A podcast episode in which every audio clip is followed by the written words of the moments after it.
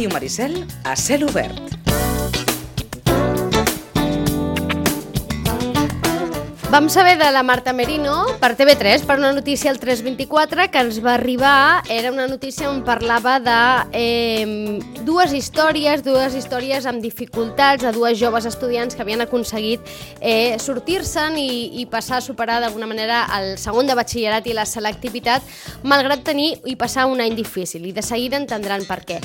La Marta Merino és eh, estudiant a l'Institut Joan Ramon Benaprés. Avui és aquí a l'estudi amb mi. Marta, molt bon dia. Bon dia. D'entrada, a veure com ha anat. Segon de batxillerat ha anat ben, deies ara, eh? Sí, la veritat és que m'ha anat bastant bé. Eh, sí que és cert que he tingut que... Apropa't una miqueta més al micròfon, Marta, que t'escoltarem millor. Així. Sí que és cert que no he pogut fer a vegades moltes coses per estar estudiant, però sí que m'ha agradat bastant el pensar que ho he pogut aconseguir el que volia. Uh -huh. Que d'entrada hem de dir ja, d'entrada, que segon de batxillerat no és un curs fàcil. No és un curs fàcil per ningú. És un curs eh, difícil, de molt estudiar, en el que bàsicament us prepareu per l'examen de la selectivitat, oi, Marta? Des del primer dia el que feu és preparar-vos per l'examen, oi? Sí, sí, a part, que, a part de ser difícil, jo penso que és un curs bastant ràpid perquè acabes un mes abans que tothom, perquè estàs un mes sencer preparant-te per un examen que després, eh, gràcies a ell, eh, podràs estar a la universitat on tu vols. Llavors, el, el pensar que, que aquell examen és el més important que tu faràs, és bastant estressant el pensar que pots dir, buah, és que si, si ho faig malament no entro. Uh -huh és la tensió aquesta del segon de batxillerat, en el que has de decidir què vols estudiar després, en el que hi ha un examen que és la selectivitat, que marca una nota que és molt important, és el 40% d'aquesta eh, nota final, per tant és un any de decisions. En el cas de la Marta, ella no està aquí per haver tret un 10 a la selectivitat, ni haver tret un 10 a batxillerat, que és, que és una molt bona nota, però i, i ella també l'ha tret, sinó que està aquí perquè la Marta ha tingut una dificultat afegida. I és que la Marta, al gener, li van diagnosticar el què, Marta? Eh, leucema de Hodgkin. Uh -huh. Durant el, el mes d'octubre em van començar a fer proves, ja que eh, notava un, un bulto al coll que a vegades pues, em feia molt mal i, i pues, sempre em queixava a les meves amigues pues, durant a classe o quan estava a casa li deia és que fa molt mal al coll. I a vegades pues, es anava fer més gran i més petit. I jo pensava, que raro. I li vaig explicar a la meva, a la meva madrastra perquè sempre és la típica que no és, no és infermera ni res, però sap el que tens moltes uh -huh. vegades. I li vaig explicar i em va dir, vés al metge. I vaig anar al metge a urgències als Camilos, aquí a Sant Pere de Ribes, i em van posar eh, a diagnòstics estranys que li passen uh -huh. a les persones i que em trucarien en menys d'una setmana a menys d'una setmana em van trucar, efectivament, i em van dir que vingués a fer-me unes proves. Llavors vaig entrar a la primera consulta, a la qual em van dir que era un gangli que se m'havia inflamat, però que havíem de saber el per què se m'havia inflamat, perquè els ganglis pues, tenen com un cognom i havien de, de dir quin era aquest cognom. A la primera consulta em van treure sang i em, em van dir que ja em trucarien per saber els resultats. Quan vaig tornar a anar, em van dir que pues, no era res clar i que havia de seguir fent-me proves.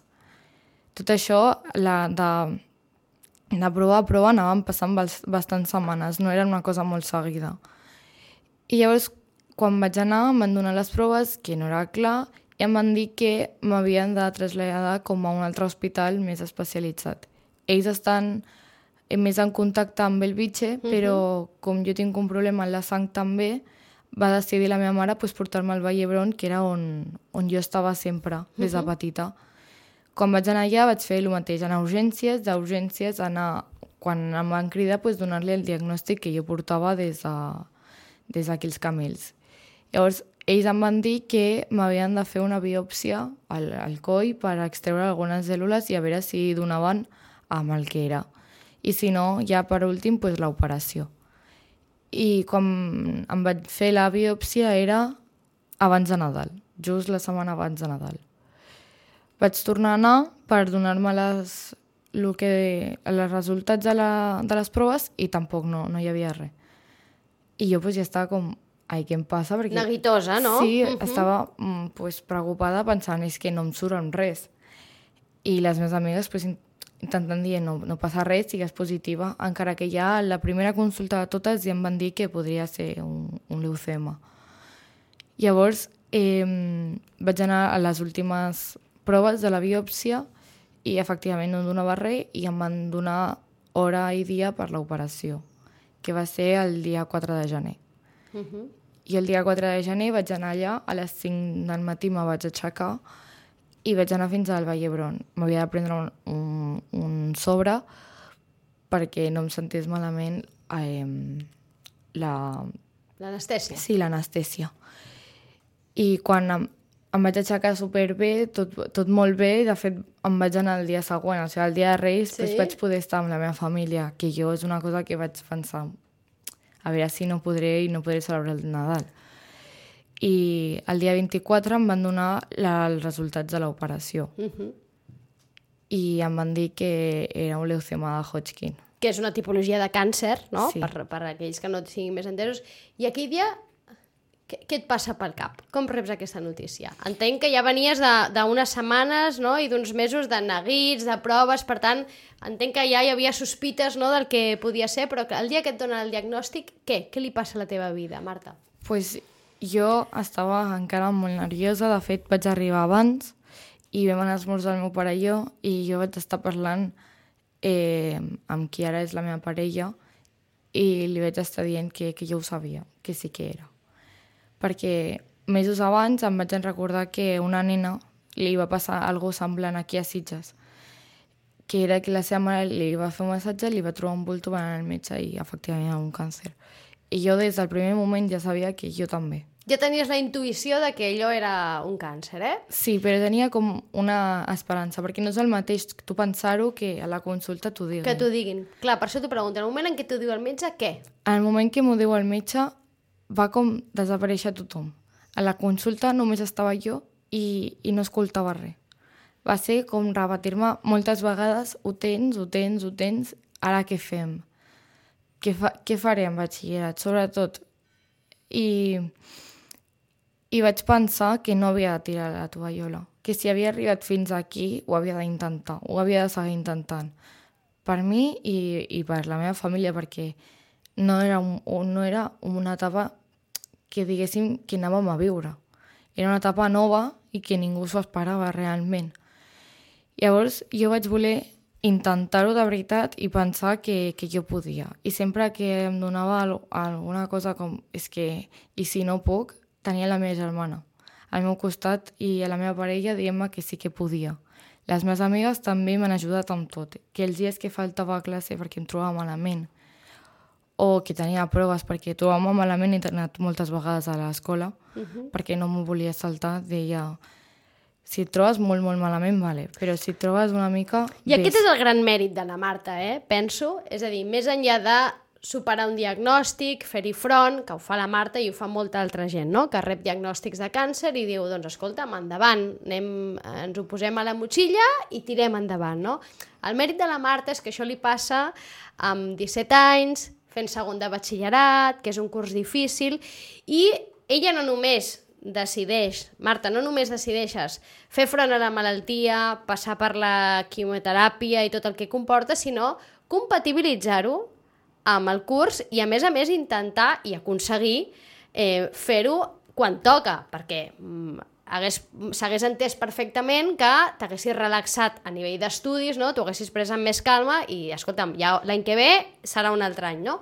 Però tu no, has decidit que tu volies aquest any intentar-ho, que tu volies treure el segon de batxillerat, que volies intentar-ho i, i ara deies, no? Fins i tot hi havia dies que no em trobava del tot bé, però jo anava a classes perquè jo no volia perdre la classe, no? Sí, és que jo no volia perdre les classes. Jo tenia molt clar que havia d'anar, encara que estigués malament, potser no estava prenent apunts perquè no podia, però estaven les meves amigues això ajudant-me i dient-me, bueno, no passa res, si no, t'ho passo després, tu estigues tranquil·la, almenys pues, escolta a classe. I estava ja a classe pensant pues, que, que jo havia d'estar perquè em tocava estar i que clarament pues, la, la, la gent no estava igual a les mateixes condicions que jo. Però jo volia aconseguir-ho i volia intentar-ho. I les, les meves amigues, la meva germana, els meus pares, tothom ha estat ajudant un muntó i m'han estat dient que ho podia aconseguir i que era molt més lluitadora del que jo pensava realment. I caram, si ho ha aconseguit, caram, si ho ha aconseguit, perquè el, el batxillerat se l'ha tret, ara li queda passar una segona, no? una segona part de, de l'ESPAU, perquè va coincidir també amb una prova, no? diguem, un dels exàmens, i l'ha de superar. Eh, I la Marta vol ser professora d'infantil i primària, oi? Sí, sí, és que és el meu somni des de l'any passat. Uh -huh. I és una cosa que jo vaig pensar i vaig dir, si no és per mi, és pels nens, pels nens que jo algun dia pues, eh, seré mestra. I vaig voler ser educadora infantil, sobretot pel meu germà. El meu germà petit és, és qui m'ha ajudat a, a decidir al final què volia ser de gran. Uh -huh. Escolta, Marta, eh, a tu t'arriba el diagnòstic, entenc que te'l diuen, deus estar amb els teus pares a la consulta, no?, quan t'ho diuen. Bueno, més o menys. La meva mare tenia Covid en aquell moment, bueno. no va poder assistir, però estava pel telèfon i el meu pare. Uh -huh, vale. I, I eren ells i, i eh, després, quan entenc que eh, et donen el diagnòstic, ho parleu a casa, no? m'imagino que passeu aquell tràngol no? d'afrontar-ho, no? de, doncs tirem endavant, de, els pares dir-te estem aquí amb tu, t'ajudem en el que necessitis, i tu decideixes també explicar-ho, entenc, a les amigues, a l'institut. No vas dubtar, eh, en cap moment. A dir, vas dir, jo això vaig explicar-ho, que la gent, vull que la gent del meu entorn sàpiga perquè jo estic passant, no? Sí, jo, bueno, al principi no sabia què fer, perquè, clar, no és algo fàcil tampoc de Que no estem gaire acostumats que amb 17 anys et diguin mira, jo m'han diagnosticat un càncer, no? Clar, clar. Jo quan, quan m'ho van explicar a la consulta, pues, jo només vaig veure pues, com la cara del meu pare perquè el que dic, la meva mare no estava, però l'escoltava i ja sabia que la seva veu pues, no era que estigués molt bé. Quan vaig arribar a casa, pues, estava la meva germana i se'm va posar a plorar amb mi. I després la, les meves amigues, pues, tothom, les, el meu, les meves amigues del meu entorn sabien que jo m'estava fent proves perfectament i que aquell dia pues, m'adonaven els resultats. I llavors jo vaig enviar com un missatge col·lectiu a tothom que, que jo en aquell moment pues, volia que ho sapiguessin i van estar pues, des del minut 1 amb mi, pendents, si estava bé, si estava malament, que si fèiem alguna cosa jo no podia fer-la, pues, anem a canviar de cosa, perquè, per exemple, pues, banyar-me jo no podia, anar a la platja pues, no puc perquè no em pot donar el sol. Uh -huh.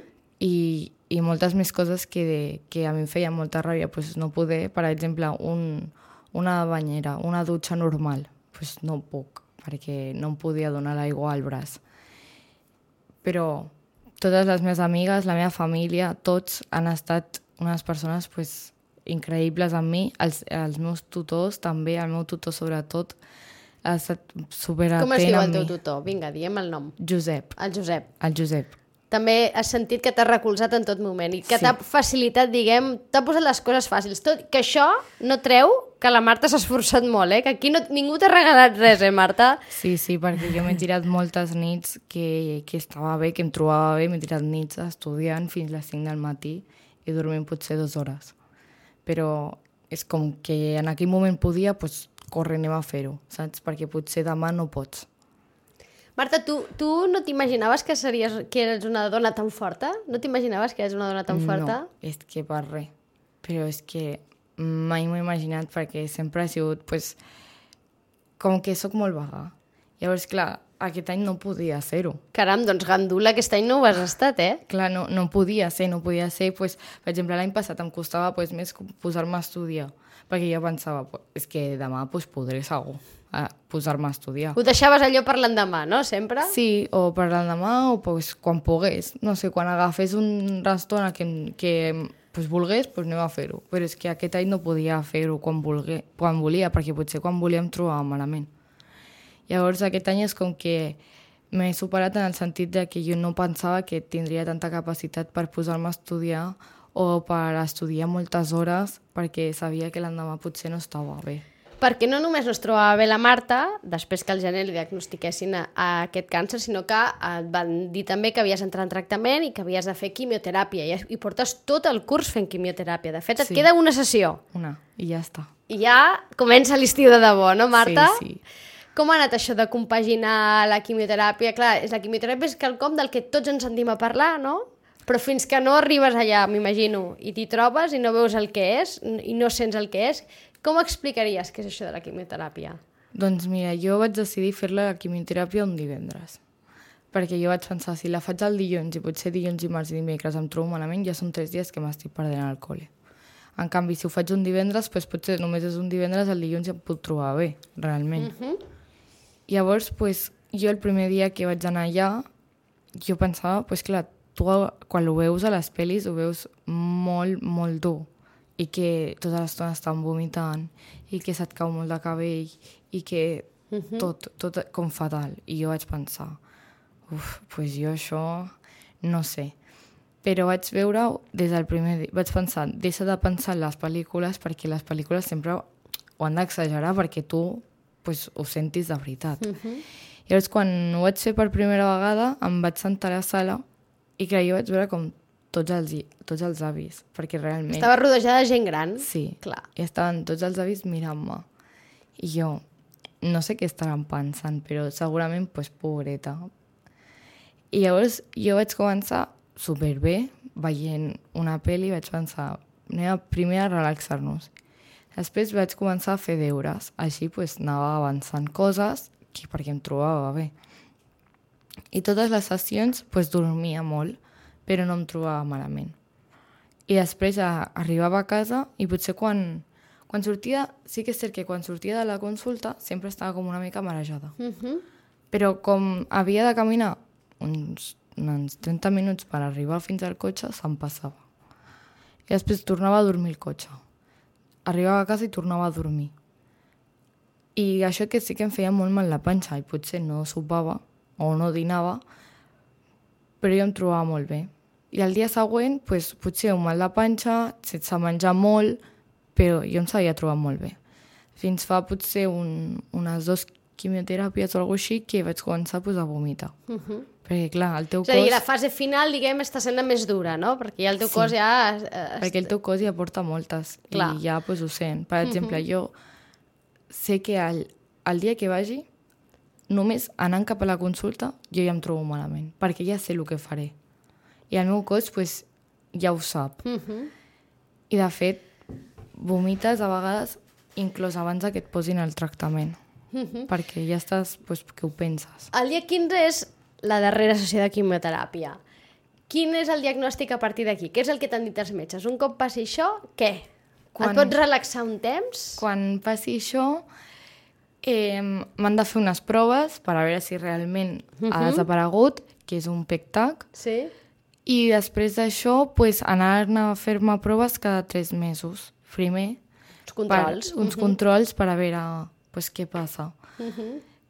I- Però seguir la meva vida. bueno, de fet, sempre l'he seguit. O sigui, jo tinc com una frase per mi que és que una quimio no et treu la teva adolescència.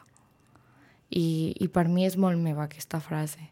Perquè jo sempre he fet tot. Mai he dit que no a un plan. La primera vegada que vaig dir que no a un plan va ser just aquest dissabte perquè no, no estava bé. I vaig pensar, és que no puc anar. Encara que fos anar a una casa amb els meus amics, dic és que no puc. Uh -huh. Perquè em, tro em trobo molt malament.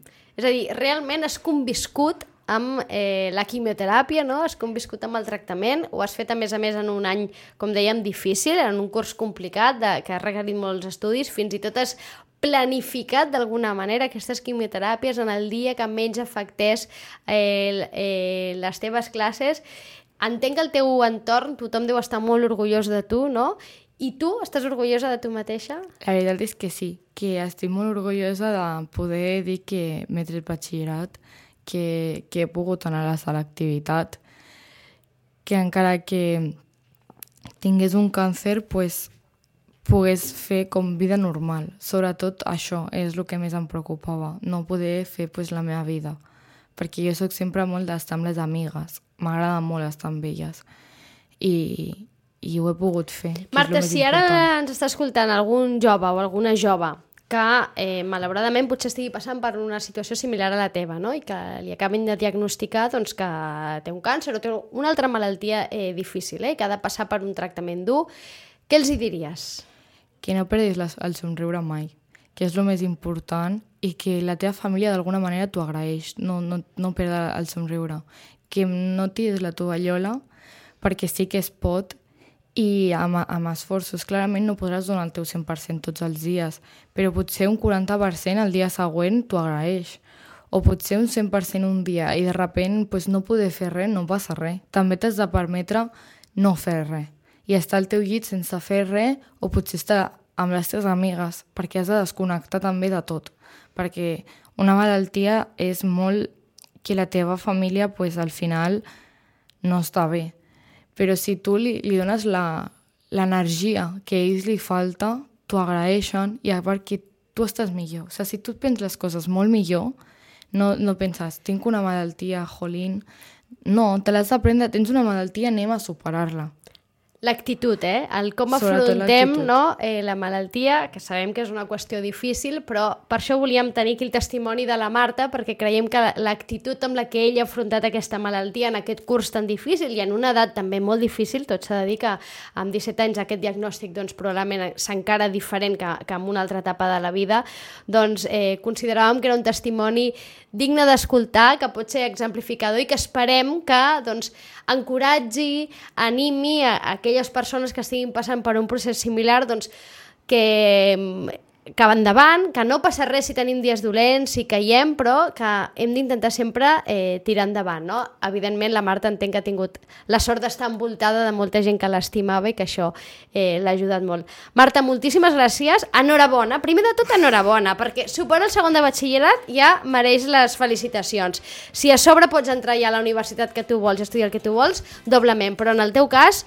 eh, moltes felicitats per haver aconseguit aquest repte i tant de bo el diagnòstic següent sigui molt positiu i l'any que ve comencis la universitat ja lliure.